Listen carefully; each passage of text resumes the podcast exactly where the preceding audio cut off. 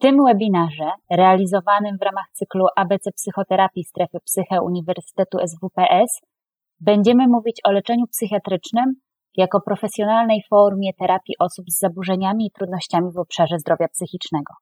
Leczenie jest tu słowem kluczowym, gdyż psychiatria jest gałęzią medycyny. Nieco pomijaną w kwestiach finansowania, niemniej wysoce pożądaną przez pacjentów. O mitach, które narosły wokół psychiatrii, o tym, kiedy udać się na wizytę do lekarza psychiatry i o wszystkich tych kwestiach, o których zawsze chcieliście się czegoś dowiedzieć, a wstydziliście się zapytać, porozmawiam z moim i Państwa dzisiejszym gościem. Nazywam się Joanna Gutral, jestem psychologiem i psychoterapeutką poznawczo-behawioralną, a moim i Państwa dzisiejszym gościem jest dr Artur Wiśniewski, lekarz psychiatra, specjalista psychiatrii dzieci i młodzieży, certyfikowany superwizor i terapeuta poznawczo-behawioralny. Dr Wiśniewski specjalizuje się w terapii osób z zaburzeniami neurorozwojowymi, lękowymi, depresyjnymi oraz schizofrenią. Związany jest z podyplomową szkołą psychoterapii poznawczo-behawioralnej i kliniką Uniwersytetu SWPS. Witam serdecznie, panie doktorze. Dzień dobry Pani Anno, dzień dobry Państwu, witam serdecznie. Tak długa zapowiedź, e, żeby wymienić, e, czym się będziemy zajmować, ale dziękuję za to wprowadzenie. Wypowiedź mocno wprowadzająca. Przypominam Państwu, dzisiaj rozmawiamy o e, leczeniu psychiatrycznym. Zdarza mi się słyszeć niekiedy w gabinecie, że terapia to może jeszcze jakoś ale o wizycie u psychiatry to nawet nie ma mowy. E, czy to jest tak, że psychoterapeuta może zasugerować konsultację psychiatryczną, a jeśli o to prosi, to czy coś to oznacza? No na pewno w ramach e, mówienia o psychiatrii to musimy się zmierzyć z wieloma mitami, również u siebie i swojej percepcji tego, co to znaczy wow do psychiatry, prawda? I na pewno e, może być to zagrażająco odbierane przez niektóre osoby, które już korzystają z pomocy psychoterapeuty. Natomiast e, ja bym e, myślał o tym, żeby trochę przeformułować sobie w głowie znaczenie tego skierowania do psychiatry, gdzie tak naprawdę e, moim zdaniem jest to okazja do tego, żeby nie przegapić niczego ważnego, albo żeby pomóc profesjonalnie osobie z różnego rodzaju dolegliwościami psychiatrycznymi. No, psychiatra współpracując z psychoterapeutą może zdecydowanie więcej. Pojawiło się pierwsze pytanie od uczestników, czy psychiatra może być jednocześnie psychoterapeutą i całościowo zajmować się leczeniem pacjenta, zarówno leki, jak i terapia? No wydaje mi się, panie doktorze, że pan może być tego przykładem. Tak. E, I, i, I rzeczywiście jest to jak najbardziej słuszne podejście, dlatego że ja jestem e, raczej wyznawcą tego, że nie oddzielam psychę od somy i ciała jako takiego, bo to jest y, trochę taki starodawny, staromodny pogląd na to, kim jest człowiek, a jego psychika y, też. W związku z tym bardziej y, uważam, że mm, wiedza zarówno z zakresu psychoterapii, jak i psychiatrii jest niezbędna do tego, żeby całościowo pomóc człowiekowi i tym bardziej należy to łączyć. Chociaż tak jakby od strony formalnej, E, oczywiście trzeba pamiętać, że lekarz i psychiatra, właśnie jako lekarz, ma trochę inne e, możliwości uprawnienia leczenia, tak? A psychoterapeuta trochę czym innym się będzie zajmował. Natomiast w połączeniu w tej samej osobie e, lekarza i psychoterapeuty jak najbardziej możemy różne rzeczy łączyć ze sobą. Czy lekarz psychiatra, gdybyśmy mieli teraz odwrócić tę sytuację, może zasugerować, czy często sugeruje, udanie się do psychoterapeuty i to nawiązuje niejako do pytania, które tutaj padło e, z forum, e, czy jeżeli od pewnego czasu odczuwam trudności emocjonalne, wszystko stało się obojętne, mam poczucie pustki, to najpierw udać się do psychiatry czy do psychoterapeuty? Jaka jest w ogóle ta granica, od czego zacząć? No, droga może być różna. E, jeśli się pojawiają jakieś wątpliwości, to ja sugeruję, żeby e, je rozwiać, konsultując się, prawda? Jeśli mamy możliwość pójścia do psychiatry, to jest to jak najlepiej e, możliwe i wtedy ta osoba, która e, konsultuje nas, czyli lekarz psychiatra, oceni, czy ten stan wymaga interwencji medycznych, wykluczy tę część taką medyczną, która może wpływać na stan psychiczny.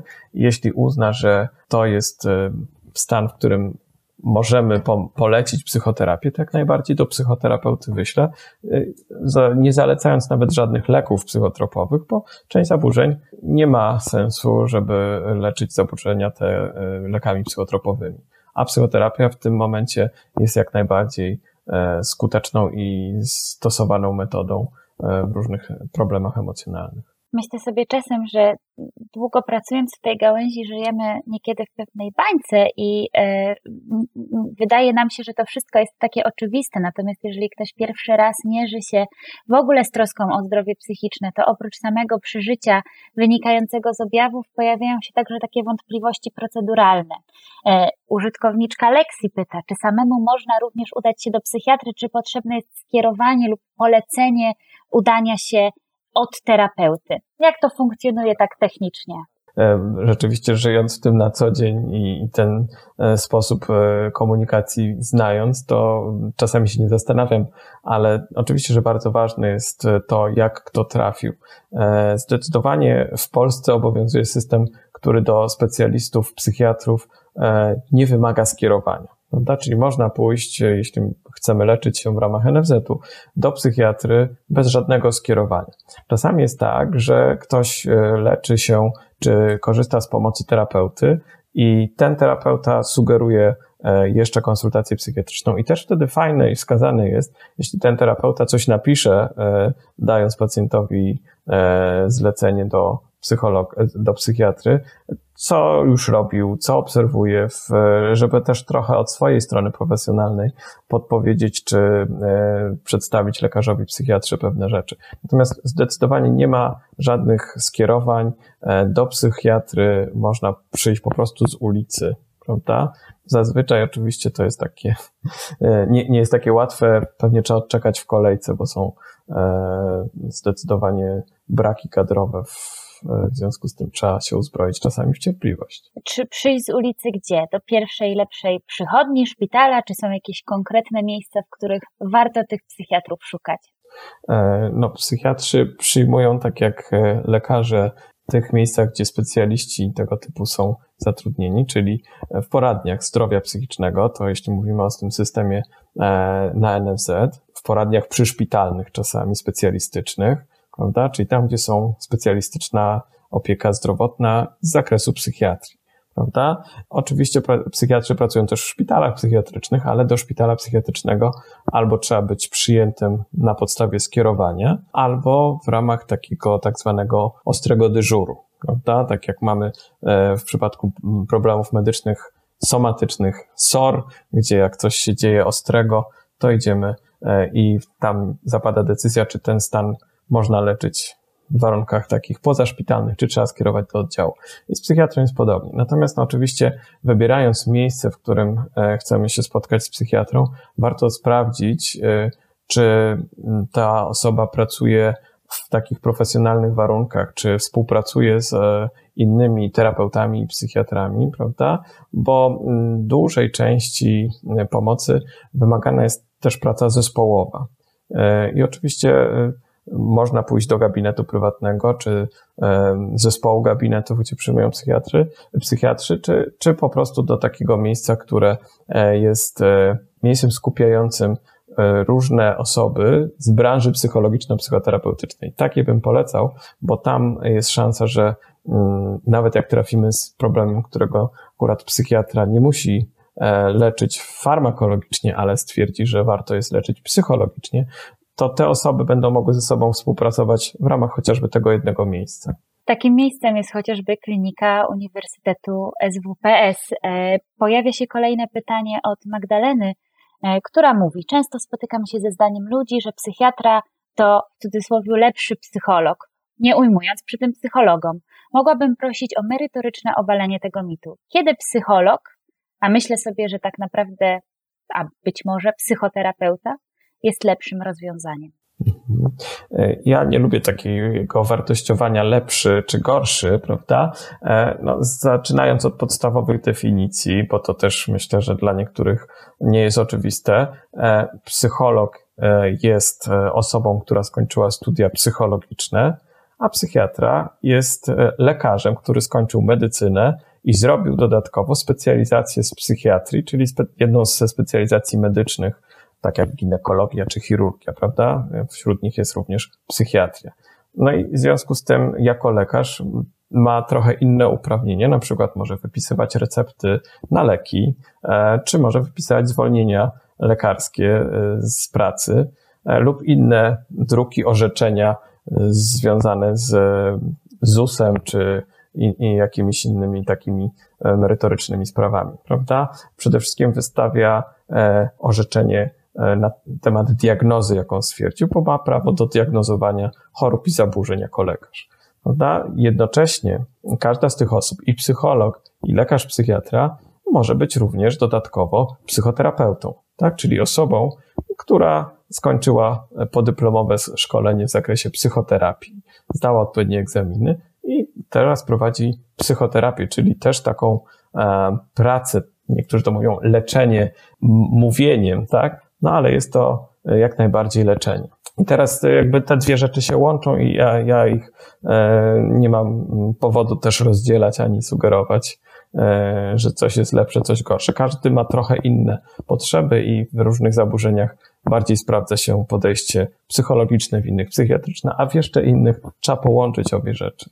Jak wygląda ta pierwsza wizyta u psychiatry? Jeżeli mamy już za sobą proces, zdecydowaliśmy się na to, że chcemy iść do lekarza psychiatry, wchodzę do gabinetu i co się dzieje?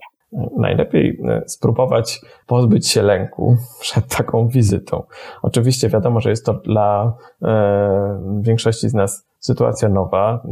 Nie jest tak, jak od dzieciństwa potrafimy chodzić do pediatrii, już jesteśmy oswojeni. Chociaż niektórzy na przykład na wizytę u dentysty się e, wzdrygają, mimo że są już dorośli. U psychiatry teoretycznie też możemy się bać, ale nie ma czego.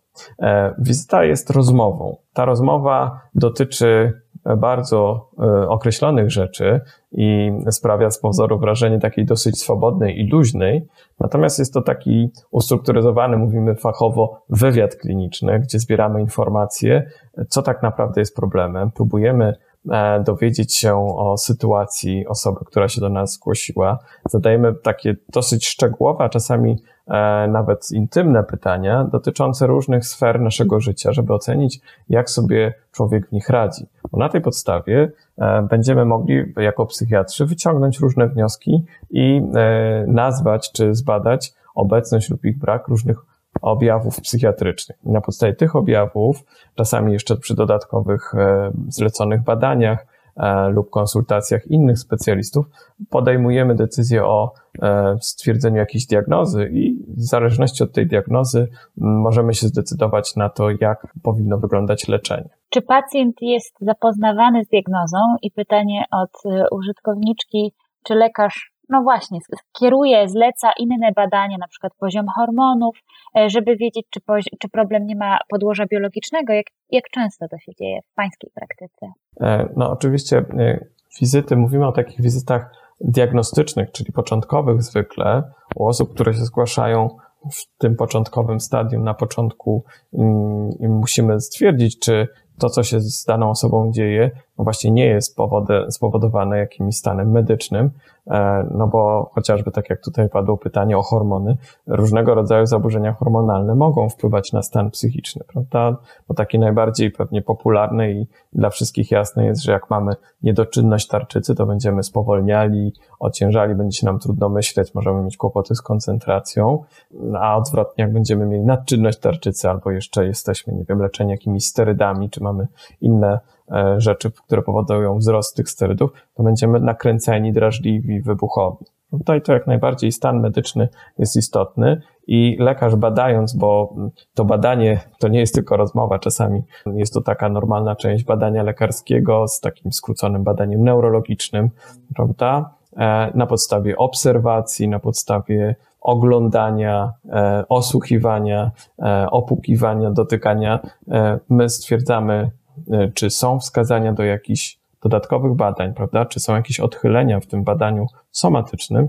I wtedy, jeśli jest potrzeba, zlecamy dodatkowe badania. Lekarz psychiatra zleca tak, może zlecić takie same badania jak każdy inny lekarz i najczęściej to, co ja robię i, myślę, że e, duża część osób e, zajmujących się zdrowiem psychicznym od strony medycznej, no to wykluczamy te wszystkie różne przyczyny, tak? Albo sprawdzamy, na ile tej chwili stan człowieka jest stabilny od strony medycznej, e, żeby móc dołączyć leczenie psychiatryczne.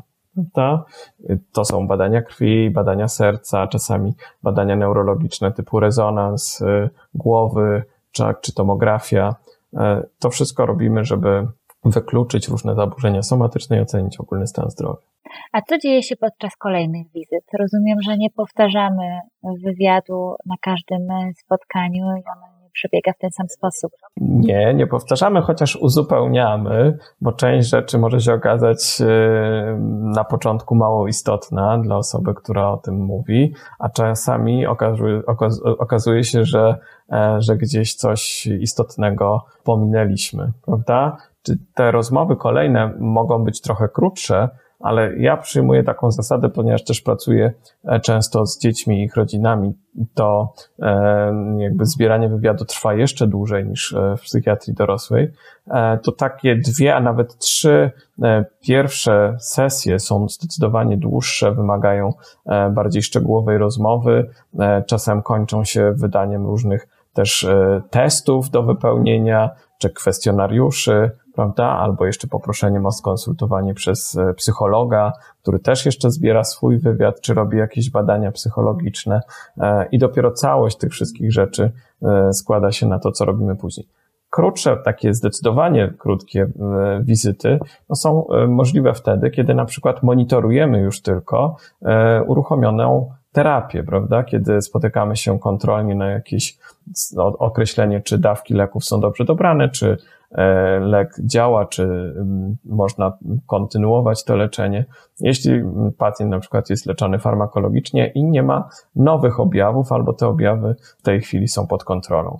Wtedy te wizyty takie kontrolne odbywają się zdecydowanie w krótsze, e, w krótszym zakresie. No ale to zwykle już pacjentów, którzy są dobrze znani nam, lekarzom, psychiatrom, z którymi już e, pewną e, rzecz ustaliliśmy, wiemy o, o tym, co się z nimi dzieje i jak im pomóc. Marcin chyba tutaj wyczytał moje kolejne pytanie w moich myślach, chociaż e, jest ono mocno e, spolaryzowane. No, czytanie w myślach jest objawem, ale proszę się do niego nie przyznawać. Za późno, panie doktorze, o diagnozie poza wizją.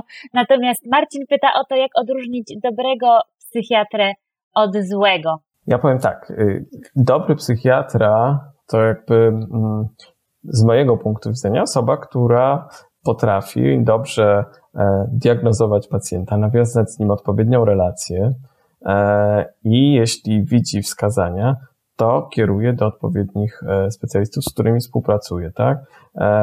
No pewnie mm, trochę to się wiąże na przykład z tym, że nie uważa się za wszechwiedzącego, ale z drugiej strony potrafi wyważyć, tak, swoją dyrektywność i jednak e, profesjonalną wiedzę, e, żeby czasami przeciwstawić się jakimś mitom e, nabytym na przykład z internetu, prawda, które wydają się oczywiste, ale nie są prawdziwe. Czyli dobry psychiatra to też taki, który nie obraża się na objawy, ale e, też trzyma poziom swoim zachowaniu. Tak jak ogólnie dobry człowiek, prawda? Takie dosyć ogólne jest to pytanie, w związku z tym tylko ogólnie potrafię e, się do tego odnieść. Ja dopytam, bo kiedyś na jednym z kanałów e, Zdrowej Głowy znalazłam taką dyskusję o tym, co pacjenci usłyszeli od swoich lekarzy psychiatrów. I to była swobodna wymiana zdań pomiędzy różnymi uczestnikami tej dyskusji. I padły tam takie słowa jak Pani taka ładna, na co pani ta depresja? Proszę się uśmiechnąć i będzie lepiej. Albo proszę wziąć się w garść. Myślę sobie, że to trudne usłyszeć coś takiego od lekarza psychiatry, kiedy przychodzi się z realnym cierpieniem. Szczególnie, kiedy właśnie jest się osobą w potrzebie, prawda? I to jak najbardziej zgadzam się, że e, lekarz psychiatra to też jest osoba, która e, zna e, mniej więcej swoje granice, prawda? Czyli wie, w jakim momencie, e, jakiego rodzaju e, rzeczy pacjent potrzebuje. Prawda? E, czasami oczywiście, tutaj to jest jakby dyskusja na temat różnic indywidualnych i potrzeb różnych osób, i nie do wszystkich tych potrzeb będziemy w stanie się odnieść. Czasami bycie zbyt ciepłą ciocią, klocią, która będzie klepać po ramieniu i wspierać, jest wręcz działaniem antyterapeutycznym i no, warto pomyśleć o tym, czy różnego rodzaju interwencje, które się wydają paradoksalne na ten moment w moim stanie zdrowia, e, nie przyniosą więcej pożytku, prawda? Czasami e, powiedzenie, że tak, trzeba przeżyć lęk, żeby się z nim oswoić i żeby się e, nauczyć z nim radzić, a nie od razu go tłumić lekami, też jest takie czasami nieprzyjemne usłyszeć, że my nie zareagujemy tak od razu na wszelkie potrzeby. Prawda? Te potrzeby czasami wynikają z różnych intencji, a, ale oczywiście, no tutaj trudno mi odpowiadać za charakter e, osobisty e, różnych osób, które to, to mówią, tak? Pamiętajcie Państwo, że psychiatrzy to są przede wszystkim też ludzie, którzy mają swój charakter i jedyne, co, co warto robić, to weryfikować, prawda, odbiór e, i mm, nie zamykać tematu, jakby się nic nie stało, prawda? Ja bym pewnie wrócił do tego na kolejnej rozmowie, e, stwierdzając, okej, okay, pani Janno, bo tak ostatnio, jak zakończyliśmy, to pani zrobiła taką minę, jakby pani się bardzo nie podobała ta wypowiedź o tym, żeby się wziąć w garść. Co pani o tym myśli? Ja bym chciał, żebyśmy do tego wrócili, prawda? Czyli profesjonalnie też nie boimy się e, mówić o trudnościach, po to jesteśmy, żeby je rozwiązywać. No dobrze, panie doktorze, a gdybyśmy mieli wydać rekomendację, chcę iść do lekarza psychiatry, jak go wybrać? Na co zwracać uwagę? Czym się kierować? E, no pewnie byście Państwo od razu powiedzieli, no to są różne portale, które można e, wklepać sobie nazwisko lekarza i tam przeczytać opinię i tak dalej. No to trochę jak sklep z butami, no niestety tak się to trochę dzieje. Myślę, że przede wszystkim kierować się tym, co, co jest jakby oczywiste, że lekarz psychiatra to jest osoba z pewnym wykształceniem, prawda? E, czyli warto sprawdzić, tak? Co się kryje za tym, że ktoś się nazywa psychiatrą. Oczywiście w Polsce e, no, jest uregulowana e, ustawa o zawodzie lekarza, w związku z tym nie dzieje się tak jak z psychoterapią, że idziemy do kogoś, kto się nazywa psychoterapeutą, a wcale nim nie jest, bo tak naprawdę nie wiadomo, co, co miałoby to znaczyć. E, ale u psychiatry, no to psychiatra jest osobą, która e, legitymuje się specjalizacją zwykle ukończoną, prawda? Aczkolwiek o psychiatrze też możemy powiedzieć o kimś, kto jest jeszcze w trakcie specjalizacji. To przypominam, że e, osobą w trakcie specjalizacji to jest osoba już przed czterdziestką, czyli z wieloletnim doświadczeniem medycznym, prawda? Tyle tylko, że jeszcze nie ukończyła tej specjalizacji egzaminem państwowym. Także mm, to jest jakby taki pierwszy kawałek, żeby wiedzieć, że idziemy do lekarza, specjalisty psychiatry, tak? Druga rzecz jest istotna o tyle, że e, jeśli jesteśmy dorośli, to wybieramy specjalistę, psychiatrę dorosłych. Jeśli e, trafić chcemy z dzieckiem, ze swoją pociechą, to zdecydowanie polecam, żeby wybrać specjalistę specjalizującego się w psychiatrii dzieci i młodzieży. I to jest oddzielna specjalizacja, czyli lekarz specjalista psychiatra dzieci i młodzieży zajmuje się inną grupą wiekową, jest lepiej przygotowany do tego, żeby e, akurat tego rodzaju zaburzeniami, które się w tym wieku pojawiają, się zająć. Docieramy do e, takiego kawałka i tutaj całej puli pytań, która się posypała pod tytułem leki. Jak to jest z tymi lekami? Czy lekarz psychiatra może zmusić pacjenta do przyjmowania leków psychiatrycznych? E, zmuszanie do czegokolwiek to zwykle jest interwencja mało skuteczna prawda? E, leczenie e, bez zgody oczywiście czasami jest możliwe, ale tylko w specyficznych sytuacjach, prawda? E, które są uregulowane ustawą o ochronie zdrowia psychicznego. I tam są paragrafy specjalne, które mówią, że leczony bez zgody może być ktoś, kto zagraża swojemu zdrowiu lub zdrowiu i życiu innych osób, prawda? I to leczenie to nie zawsze znaczy dawanie leków, tak? Ale czasami nawet hospitalizację, tak? Umieszczenie w szpitalu psychiatrycznym. Tak? Czasami e, osoba, która mm, jest chora psychicznie i, i, wiemy to, bo zostało to stwierdzone, potwierdzone w wyniku badań być może wcześniejszych e, u innych lekarzy, czy w trakcie jakiejś tam hospitalizacji, ale obecnie przejawia zaburzenia psychiczne, które jeszcze nie są zagrażające, ale no, są uciążliwe na przykład, albo mogą doprowadzić wcześniej czy później do znacznego jeszcze bardziej e, pogrążenia tej osoby. E, może również być leczona psychiatrycznie, ale wtedy o tym decyduje sąd rodzinny. Tak?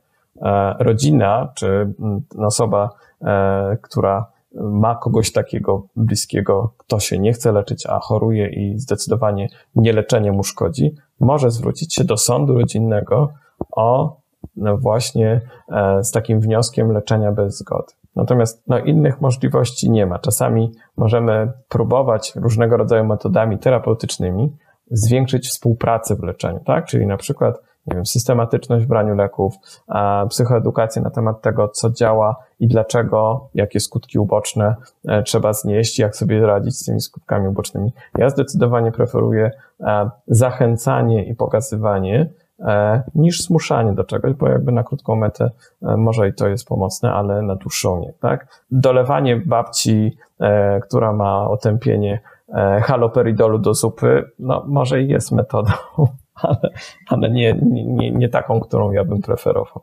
Rozmawialiśmy o tym jeszcze zanim weszliśmy tutaj na wizję i wiem, że pan doktor się zgodził, więc już jakby karty na stół. E, pan doktor wie, że przygotowałam sobie takie mity, które gdzieś tutaj pojawiają się też w tej dyskusji na forum, dlatego postanowiłam je wynieść, e, e, wyjąć tutaj na zewnątrz w pełnym szacunku i tutaj wielkiej miłości do pańskiej pracy.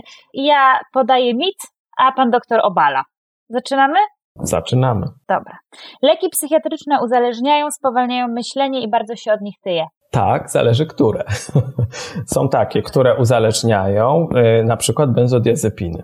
Jeśli są podawane niezgodnie z e, przepisem lekarza i są na przykład brane dłużej niż 4-6 tygodni, prawda? Natomiast w krótkotrwałej terapii są lekami e, zdecydowanie zalecanymi w określonych przypadkach, no ale oczywiście, ponieważ ich działanie odbierane jest często przez niektóre osoby jako bardzo pozytywne, prawda, no to mogą być nadużywane i uzależnić. Lekarz, psychiatra wie, które leki uzależniają, które nie. Większość na przykład leków przez, przeciwdepresyjnych to jest myślę, że takim nie uzależnia, prawda? Jakby ich mechanizm jest taki, że nie ma szans, żeby one uzależniły, e, natomiast leczy. Czy otępiają? Znowu, zależy jakie leki i jakie dawki. E, ja jeszcze ze studiów pamiętam e, stwierdzenie naszego profesora od farmako, e, te farmakologii, który powiedział, no jeśli lek nie ma żadnych objawów niepożądanych, to chyba mm, jest placebo, prawda? A nawet placebo czasami jest odbierane jako coś, co może dawać objawy niepożądane. To jest oczywiście zawsze do wyważenia e, skutki uboczne versus to, jakie są korzyści, prawda? Niektóre leki mogą dawać skutki uboczne. Ja nie lubię oszukiwać pacjentów, że nic pani nie będzie, pani ona, jak pani to weźmie, to w ogóle super wszystko. Nie, bo może być tak, że mogę powiedzieć, e, ale na to to musi pani uważać z dietą bo niektórzy pacjenci mają na przykład większy apetyt i warto, żeby pamiętać o tym, że pilnujemy ile jemy, trochę więcej musimy się ruszać, tak? Ale dzięki temu na przykład poprawi się pani nie wiem, nastrój, czy jakieś inne rzeczy, na które ten lek jest przepisany. Czy leki psychiatryczne mogą zmieniać osobowość? Nie. E, badania osobowości nie potwierdziły tego. Leki psychiatryczne wpływają na mózg, tak? Stąd się nazywają lekami psychotropowymi inaczej.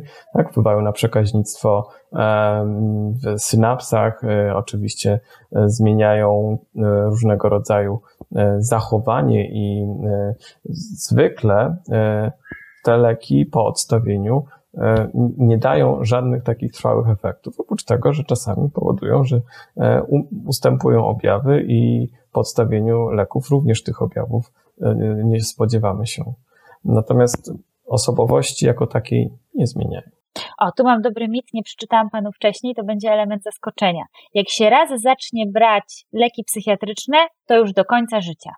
No, mm, Pewnie też y, jest to zdecydowanie mit, natomiast pewnie to jest tak, e, że mm, są leki, które można brać długo, prawda? Są osoby na przykład z depresją, e, które muszą brać leki przeciwdepresyjne długo, bo trochę to tak jest, że e, ich mózg na przykład nie wytwarza w odpowiedniej ilości e, czy serotoniny, prawda, która gdzieś tam wiemy, że może być związana z e, depresyjnością, prawda?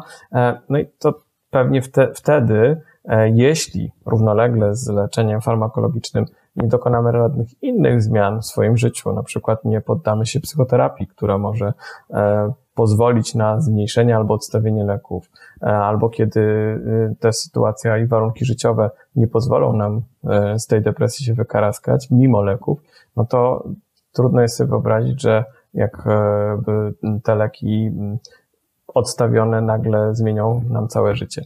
Zdecydowanie w większości przypadków leki psychotropowe są zalecane na określony czas, i w różnych diagnozach jest to jakoś e, e, ściśle wyliczone. Znamy e, zalecenia, że na przykład nie wiem, leki przeciwdepresyjne wiemy, że powinniśmy dawać minimum 6, a nawet 9 miesięcy, żeby ta kuracja była pełna. Tak jak dajemy antybiotyk nie wiem, na 7 czy 14 dni, chociaż nam po trzech dniach miną objawy zapalenia płuc, to trzeba dokończyć kurację, bo to będzie szkodliwe, jeśli byśmy ją przerwali wcześniej. Z lekami jest podobnie, psychotropowymi.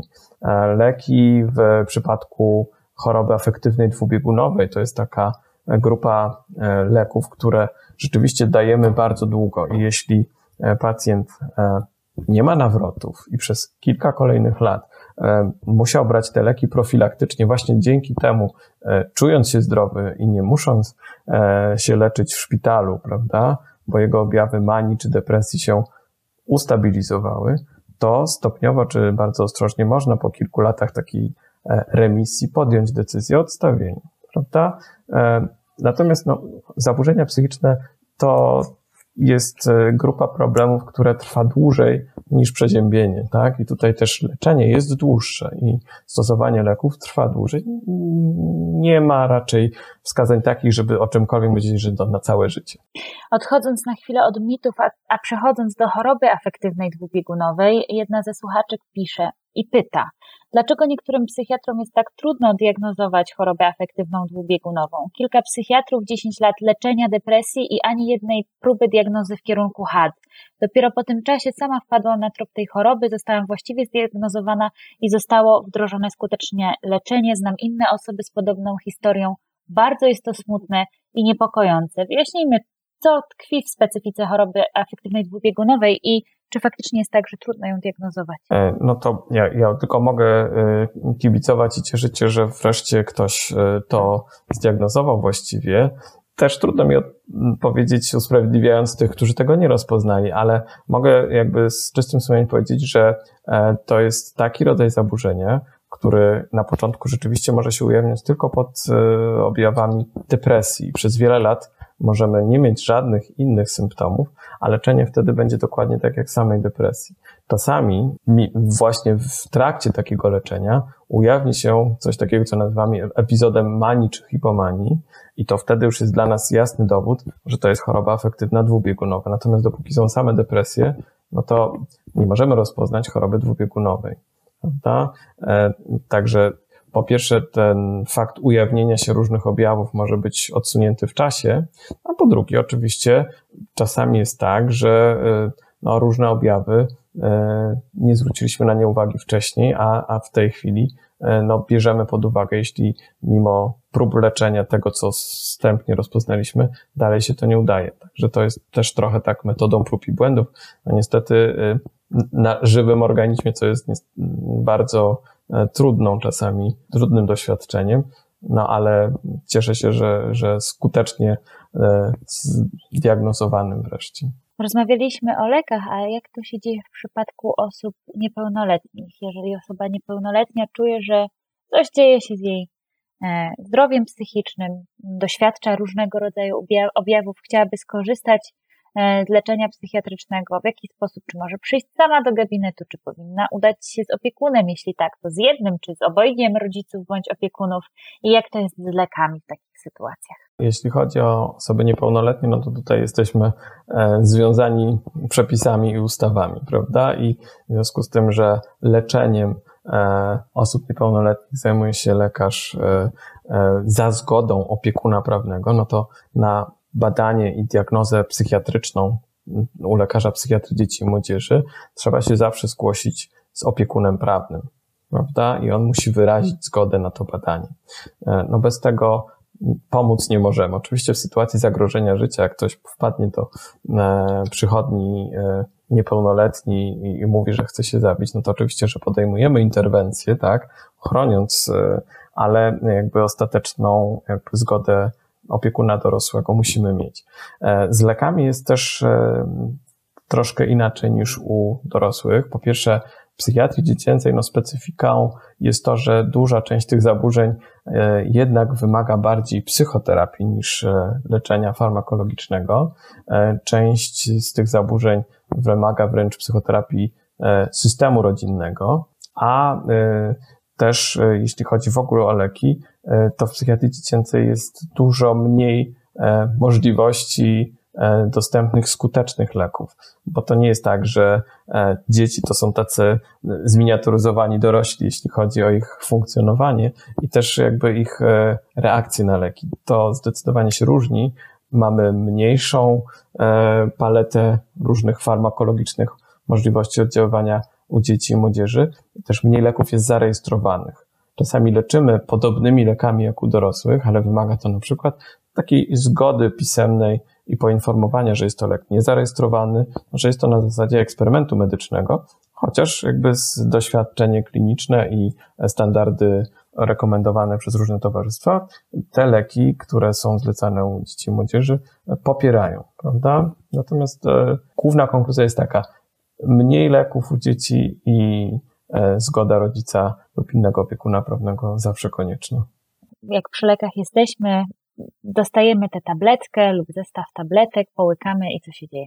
Znowu zależy jaki lek, prawda? Są, są leki, na przykład takie leki przeciwdepresyjne, tak? które musimy zacząć brać i uzbroić się w cierpliwość, prawda? Być jednak cały czas pod nadzorem czy jakąś opieką, nie tylko rodziny, ale też e, mm, na przykład kontrolować swój stan E, u lekarza, e, bo leczenie przeciwdepresyjnymi lekami zwykle zaczyna e, się pojawiać efekt po kilku tygodniach. Żeby w pełni ocenić, czy dany lek jest trafiony, czy nie, no to musimy co najmniej poczekać 4 tygodnie od pełnej dawki, a na początku i tak zaczynamy od niepełnej dawki, czyli najpierw dajemy tydzień, dwa, część tabletki czy mniejszą dawkę, a stopniowo zwiększamy ją i czekamy. Ten efekt się E, zacznie e, i już oczywiście wcześniej będą pewne symptomy, ale taki pełny e, obraz tego, jak ten lek pomaga, może się rozwinąć po kilku tygodniach. Podobnie też jest lekami stosowanymi na przykład w schizofrenii, prawda, gdzie objawy psychotyczne po lekach neuroleptykach też ustępują stopniowo w ciągu właśnie kilku tygodni. Są leki takie, które działają od razu. No, właśnie te nieszczęsne benzodiazepiny, które są stosowane na przykład w lęku, w napadzie paniki, które właśnie bierzemy po to doraźnie, tak, żeby od razu uzyskać efekt, tak, czy leki nasenne, które po wzięciu pół godziny czy godziny e, czujemy, że nas usypiają. No ta, czy też w psychiatrii dziecięcej leki stosowane, e, takie jedne z najczęstszych to są leki psychostymulujące, czyli takie jak ADHD się stosuje, e, które też działają e, w dniu, którym są podane, czy zaraz po godzinie, czy jakimś czasie od wchłonięcia. Tak? Natomiast jeśli chodzi o inne leki, to z reguły czas jest tutaj niezbędny, dłuższy i trzeba być cierpliwym i regularnie e, te leki przyjmować, jeśli są zlecone. Tak? No bo najważniejszą, żeby, żeby one pomogły, no to lek działa wtedy, kiedy jest przyjmowany. To jest podstawowa zasada. Hanna dopytuje, czy psychiatra zajmuje się także problemami alkoholowymi, rozumiem, uzależnieniem od alkoholu.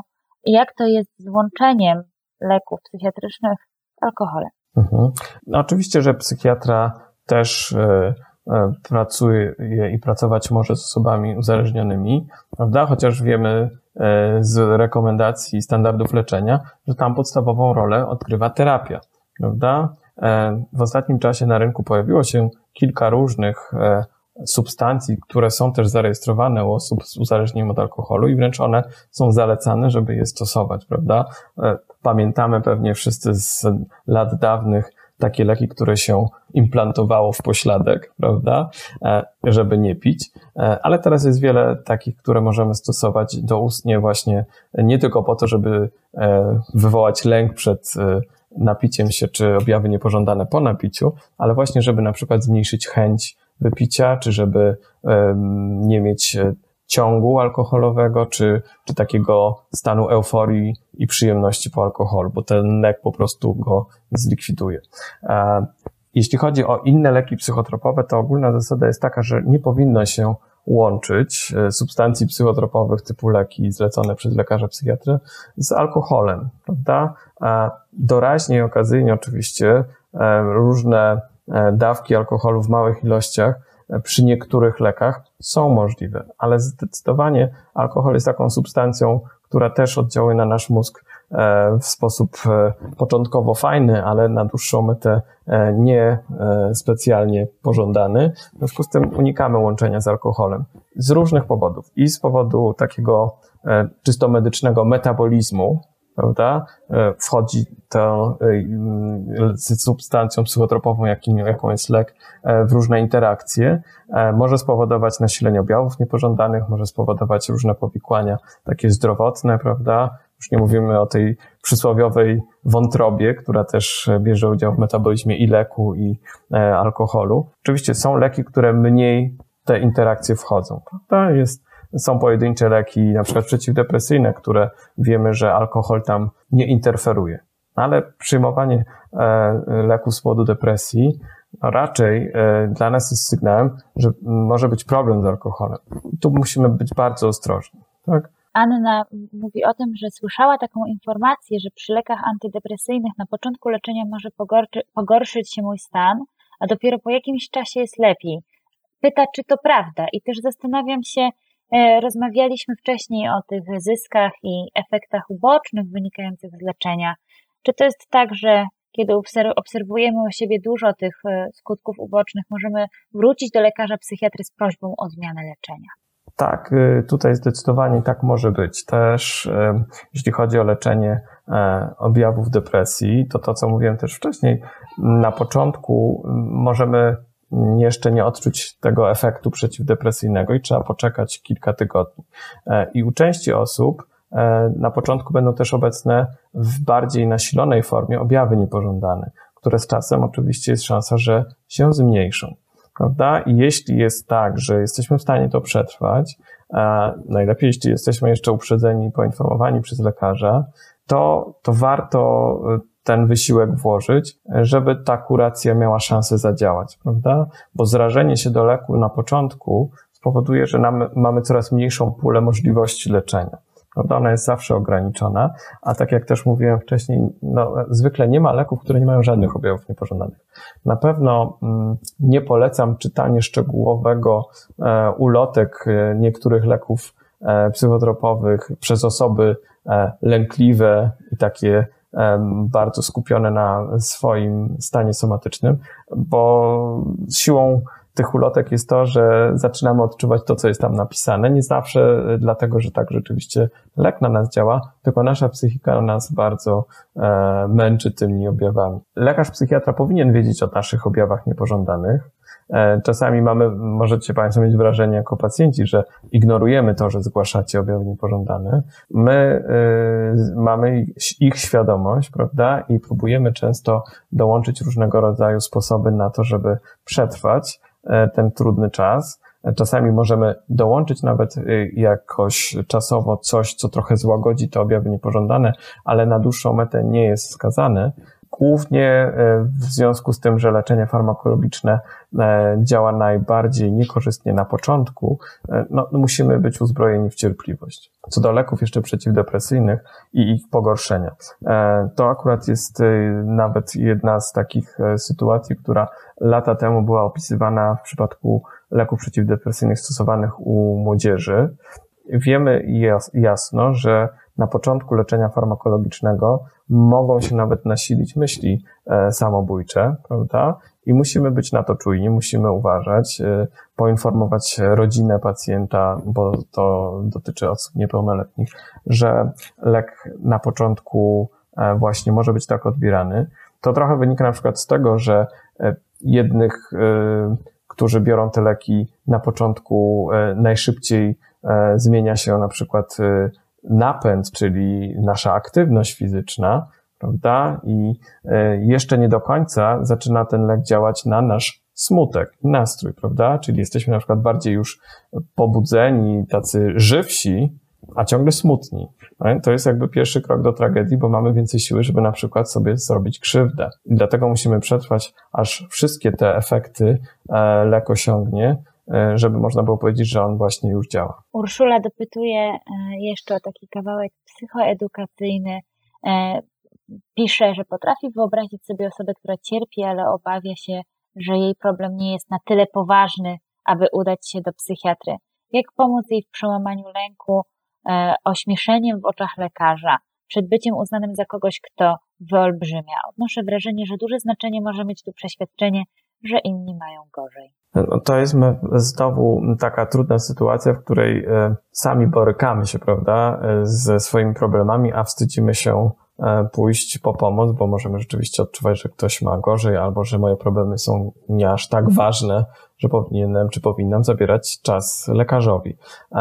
Ja namawiam do tego, że jak coś nas nurtuje, to trzeba to wyjaśnić, prawda? Trochę też przełamać swoje opory, bo lekarz psychiatra jest przygotowany do tego, żeby też ocenić właśnie e, stan e, nasz i ciężkość tego stanu, podpowiedzieć, tak, czy już jest e, moment na leki, czy to jest na psychoterapię, czy w ogóle jest to norma, na przykład norma rozwojowa, bo część czasami nastolatków miewa różne objawy, których się boją, a może się okazać, że po prostu tak nastolatki mają.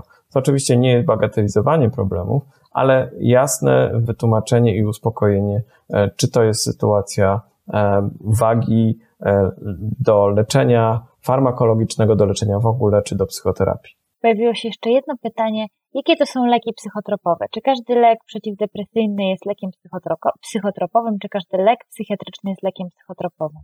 Tak, no leki psychiatryczne, czy leki psychotropowe, trochę tak jak synonim uważamy, prawda? Są to leki, które oddziałują na ośrodkowy układ nerwowy. No i wszystkie leki stosowane w psychiatrii, no właśnie e, działają w ten sposób, że oddziałują na nasz układ ośrodkowy nerwowy, czyli nasz mózg, nasze synapsy, prawda? Oddzielną i taką um, grupą specjalną są leki psychotropowe e, z grupy e, na przykład narkotyków, prawda, czy substancji takich, e, które są stosowane w niektórych tylko przypadkach, prawda. Takie leki są zapisywane na trochę inny rodzaj recepty. Dawniej to były tak zwane różowe recepty, czy RPW. One dalej funkcjonują w formie teraz elektronicznej, już nie mają różowego koloru, ale to są takie leki bardziej ścisłego zarachowania i stosowane e, tylko w e, określonych przypadkach przez osoby, które profesjonalnie się na tym znają. Panie doktorze, na zakończenie naszego spotkania mam ostatni mit do obalenia. Ja nie wiem, czy poprzednie zostały obalone, ale e, to trochę tak jak potyczka w jakimś teleturnieju. Nie, no śmieję się, natomiast rozmawiamy tak? Ja myślę, że zdejmujemy cegły z tego muru mitów i każda jedna cegła jest ważna, więc pokuśmy się o jeszcze jedną. Leki psychiatryczne są tylko dla tych nienormalnych.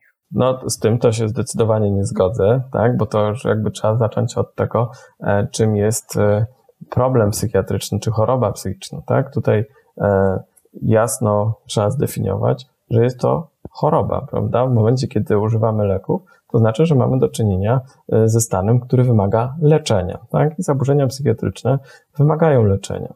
Z takich ostatnich, e, takich bardzo dużych, ogólnokrajowych e, statystyk, na przykład badania EZOP, wiemy, że w Polsce około 24% populacji spełnia kryteria zaburzeń psychicznych, tak? czyli cierpi na różnego rodzaju zaburzenia i choroby psychiczne prawda?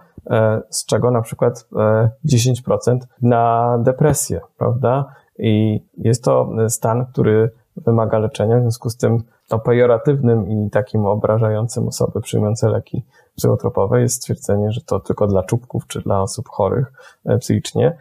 No tak, ale leki psychiatryczne są stosowane właśnie dlatego, że ich stan, stan osób, które je biorą, tego wymaga, tak? Że jest to leczenie. Na sam koniec przypomniały mi się słowa polskiego psychiatry Antoniego Kępińskiego.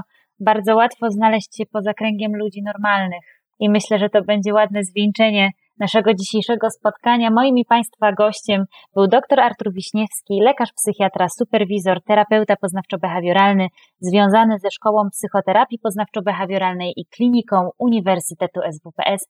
Bardzo serdecznie dziękuję za spotkanie, panie doktorze. Dziękuję Państwu bardzo za rozmowę. Dziękuję Pani Anno. Dziękuję Państwu za udział. Do usłyszenia i do zobaczenia już w kolejnych spotkaniach Strefy Psyche Uniwersytetu SWPS.